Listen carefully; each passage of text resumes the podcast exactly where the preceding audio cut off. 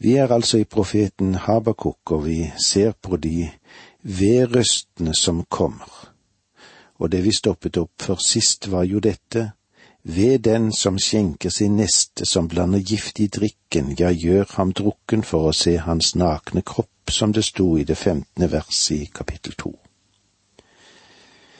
En likegyldig holdning til drukkenskap, ja, det er nokså alarmerende, det. Det er alarmerende også i vårt næringsliv, slik som det kanskje fungerer i dag. Lederne, hva skjer med den, og hva skjer med de? Jo, de brytes ned. Menn og kvinner i ansvarsfulle stillinger. De som har ansvar for mange andre mennesker, både i nåtid og i fremtid. De setter både sin egen og andres fremtid i fare. Men det pussige og rare er at samtidig som det brukes store midler på å berge ledere fra alkoholmisbruk, så har de samme selskaper fester, og de har mottagelse der alkohol spiller ikke så en ubetydelig rolle, eller hvordan er det? Det må jo være alkohol til stede skal det være fest og glede. Det er som å drive et hospital, der du kanskje tar inn friske mennesker, og så gir du de noen sykdomsbakterier, og så blir de operert, eller de kan bli behandlet for denne sykdommen som de får. Ja, hva er nå dette for noe, da? Jo, mennesker er en slags prøveklut i den vanvittige verden som vi lever i i dag. Og uh, som dette som bakteppe, så foregår det, mye, av irrasjonell karakter selv i store selskaper som er bygget opp med tanke på å være rasjonelt og med tanke på hva vil være det beste for oss alle sammen. Hva er det som vil være tjenlig for oss alle sammen? Og dette er en anklage som her blir ført mot Babylon. Gud sier til dem, dere skaper drankere. Dere ikke bare drikker selv, men dere gjør andre til drankere. For en tid tilbake så ble det gjennomført en kampanje fra Rusmiddeldirektoratets side som understreket den sannhet at hvor unge lærer å drikke hjemme, så vil de også bruke alkohol ute. Det er iallfall mye lettere for disse som har kjent og fått kjennskap til dette fra hjemmet. Vi trenger sannelig å ta hjemmets holdninger og hjemmets livsverdier opp til kraftig revisjon i den tid som vi lever i nå. Kanskje vi kan kalle det for en ulvetid, der altfor mange unge ofres på nytelsens alter. Jeg er fullt klar over at det er ikke så enkelt å si dette, og det er vel ikke heller så populært å si det i mange sammenheng. Men eh, nå tror jeg heller ikke at denne profeten som vi har foran oss, Habakuk, at han var så veldig populær, han heller. Han var i alle fall ikke populær i Babylon når disse ordene begynte å sive ut, og de fant ut at Gud fordømmer drukkenskapen, og at Gud fordømmer det at jeg tar del i å gjøre andre til drankere, eller at de blir avhengige av alkohol. Og alkohol er én ting, men tenk på alle de andre narkotiske stoffer som siver inn blant vår unge generasjon og som smittes over på den eldre generasjon. Legg òg merke til drukkenskapen som fører til grov umoral. Og vi leser i det sekstende verset her i Habakuk 2. Du blir mett av skam og ikke av ære. Så drikk også du og rav omkring. Beger i Herrens høyre hånd skal komme til deg, og din ære skal skjules av skam. Drukkenskapen, den leder til grov umoral.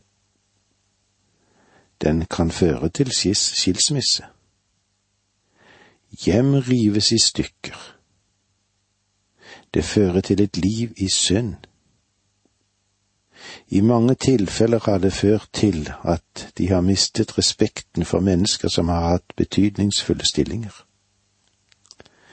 Når de ikke engang kan styre seg selv, så kommer spørsmålet opp hvordan kan de da makte å styre andre? Eller kreve at andre skal ha styringen på seg selv? Nei, drukkenskapen ødelegger respekt for mennesker. Drukkenskapen får meg til å bøye hodet i skam når jeg ser hva som hender i vårt eget land. Habakuk meisles dette ut for mange, mange år siden. Og Gud sier, Grunnen til at jeg bøyer Babylon, ligger også i disse syndene som jeg nå har vært innom. Vers 17, kapittel 2. Ditt voldsverk mot Libanon skal komme over deg selv. Du skal knuses fordi du mishandlet dyr, fordi du utøste menneskets blod og gjorde vold mot landet, mot byen og alle som bor der. Hva med volden? Vold, det er en frukt som kommer av drukkenskapen, og slik drukkenskapen kan få anledning til å florere. Og fra dette igjen, da springer det ut mer umoral. Narkokulturen, den grove umoral, den stigende skilsmissefrekvens. Alt dette florerer også i vårt moderne samfunn. Det kan føres altså tilbake til hangen og trangen etter alkohol. Det femte vedrop i Guds fordømmelse gjelder den største synd av det som vi kan si av alle sammen. Vi ser i vers 18 og 19 her i Habakuk 2. Hva gagner et gudebilde selv om det er skåret av en mester? Hva gagner et støpt bilde som gir falske svar, om en mesteren stoler på sitt verk, de stumme gudene han har laget? Ved den som sier til stokken våkn opp, eller til en målløs stein stå opp, skulle den gi rettledning? Visst er den kledd i gull og sølv, men ånd er det ikke i den. Drukkenskap er ikke den største synd. Den største synden, den er avgudsdyrkelse. Den er en falsk religion.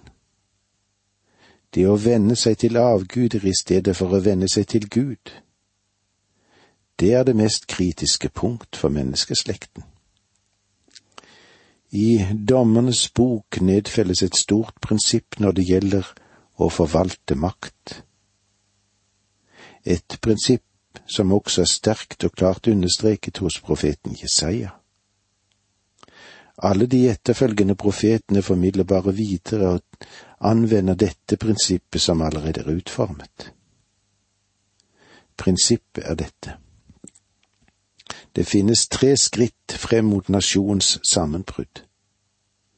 Først av alt gjelder dette det religiøse frafall. Det andre skrittet, det er moralsk forfall. Og det tredje er politisk anarki. Det er langs disse linjene de tre skritt er hovedposter at et samfunn raderes bort fra menneskets historie. Denne linje har tidligere verdens rike beveget seg langs. Leser du historien, vil du se at det primære problemet aldri var et politisk anarki. Det var heller aldri det moralske forfall. Selv om de var aldri så vonde, disse problemene. Nei, selve grunnproblemet er det religiøse, eller det åndelige frafall. Dreiningen bort fra en levende og sann Gud, det er det som er den største faren og det må vi aldri glemme. Hvordan er det med oss som enkeltmennesker og nasjon? Jeg lar disse tankene være det siste som vi har med oss i dag. Må så Guds nåde og fred være med deg. Dette undervisningsprogrammet består av to deler. Åge Nevland fortsetter nå med andre del av dagens undervisning. Vi er i profeten Habakuk, og eh, vi lærer litt av hva denne profeten har å si oss om faremomentene som var på hans tid, og som vi kanskje òg kan trekke inn i vår tid. Hvordan er det med oss både som enkeltmennesker og som nasjon? I vers 18 og 19 i kapittel 2 i Habakuk leser vi slik. Hva gagner et gudebilde selv om det er skåret av en mester? Hva gagner et støpt bilde som gir falske svar, om enn en mester stoler på sitt verk? De stumme gudene har han laget, ved den som sier til stokken våkn opp, til en målløs stein stå opp. Skulle den gi rettledning? Visst er den kledd i gull og sølv, men ånd er det ikke i den. Kanskje noe å tenke på dette, for vi som lever i vår tid, kanskje den drømmen som vi hadde, den har begynt å forsvinne etter hvert. Men også de drømmer som vårt folk har hatt, kanskje de forsvinner. Vi begynner å tvile på at dødelige mennesker i stand til å løse alle de flokene som har vært, eller at det går an å kontrollere de politiske vanskelighetene som er, eller de sosiale, de økonomiske problemene som livet har satt foran oss. Det vi leste her ifra Habakuk er et bilde, og dette er også historien som finnes om folkenes vei mot fall og det er en alarmklokke som ringer foran oss. Dette store prinsipp som Habakuk igjen og igjen har naglet fast i Guds ord, det ble fullbyrdet i det babylonske verdensriket, det. Et folks vei nedover bakke, det begynner med avgudsdyrkelse. Det begynner med det at de vender seg bort fra den levende og den sanne Gud. Vi mener visst at avgudsdyrkelse er et tilbakelagt stadium, at vi ikke lenger bøyer oss for avguder. Men det er selvfølgelig ikke sant. Mennesket har en gud som de tilber. Kanskje vi kan nevne den allmektige mynt? Eller mennesket tilber sex, eller mennesket tilber forlystelse. Får jeg lov til å understreke at det er eh, deg selv dette kommer an på. Det er det som griper deg. Og så er spørsmålet hvem er det du tilber? Hvem er din Gud? Kanskje du har en avgud? Og det er det Gud vil slå ned på her i det vi har for oss, og det som han slo ned i Babylon.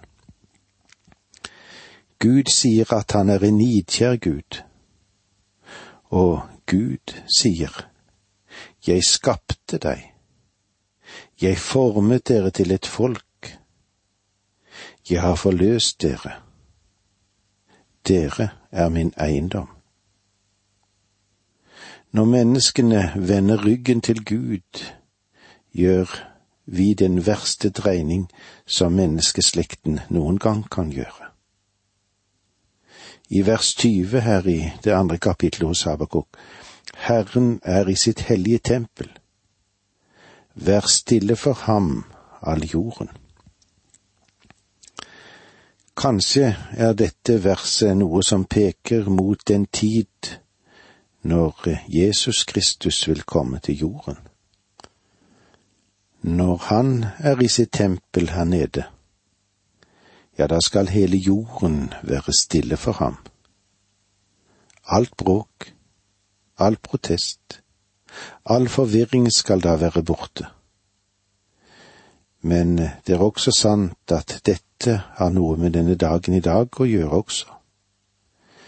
Grunnen til at vi har så mange vanskeligheter og problemer her nede, er at selv om Han er i sin himmel, selv om Herren er i sitt tempel, bøyer ikke mennesket seg for ham og anerkjenner ham ikke. Det ville vært strålende hvis mennesket generelt sett hadde satt av en uke med stillhet og refleksjoner. Ville ikke det ha vært helt fantastisk om våre kranglede politikere hadde tidd stille en hel uke?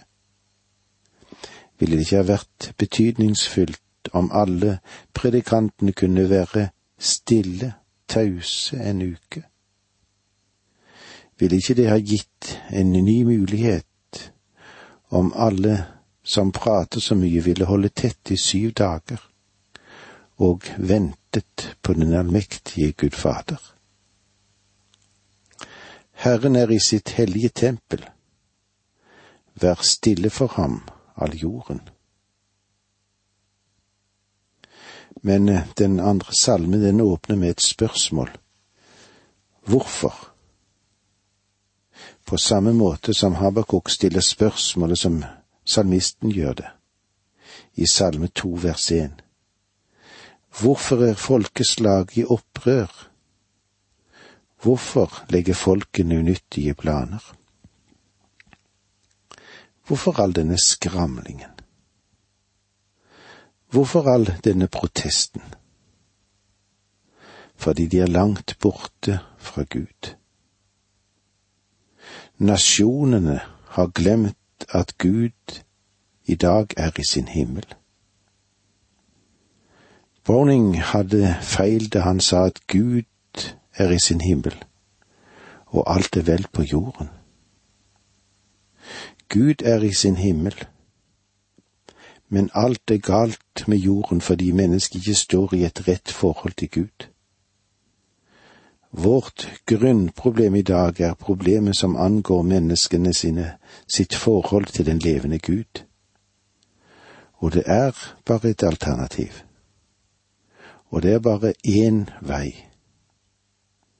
Den rettferdige skal leve ved sin tro. Og det var så langt vi hadde med oss ifra kapittel to. Når vi nå går over i kapittel tre, vil vi se litt på profetens tilfredshet. Når vi nå altså kommer til det tredje kapittelet i Habakuks bok, merker vi at det har funnet sted en veldig forandring i Habakuks liv. Når vi nå kommer til slutten av dette kapitlet, ser vi at denne mannen har vendt ansiktet en annen vei. Boken, den åpnet i mørke, og den åpnet i dysterhet. Habakuk var et eneste stort spørsmålstegn. Og nå har han stilt mange spørsmål til Gud. Men boken avsluttes med herlighet og et veldig utropstegn. Den avsluttes med et mektig hallelujakor og du vil neppe finne en mer tillitsfull tro enn den som blir uttrykt i siste delen av denne boken. Og eh, dette kapitlet som vi nå går inn i, den har tre klare avsnitt. I de to første versene møter vi profetens bønn. Guds program møter vi i et grunnriss når vi ser på versene tre til 17. Og så avsluttes kapitlet med profetens stilling i versene 18 og 19. Profetens bønn. Vi leser det første verset i kapittel tre her i Habakuk.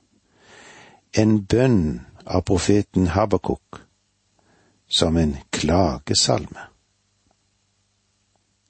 Vi kan med rette stille spørsmål om hvorvidt dette er en klagesalme med innslag av lovsang, eller om det er en lovsangssalme med innslag av klage.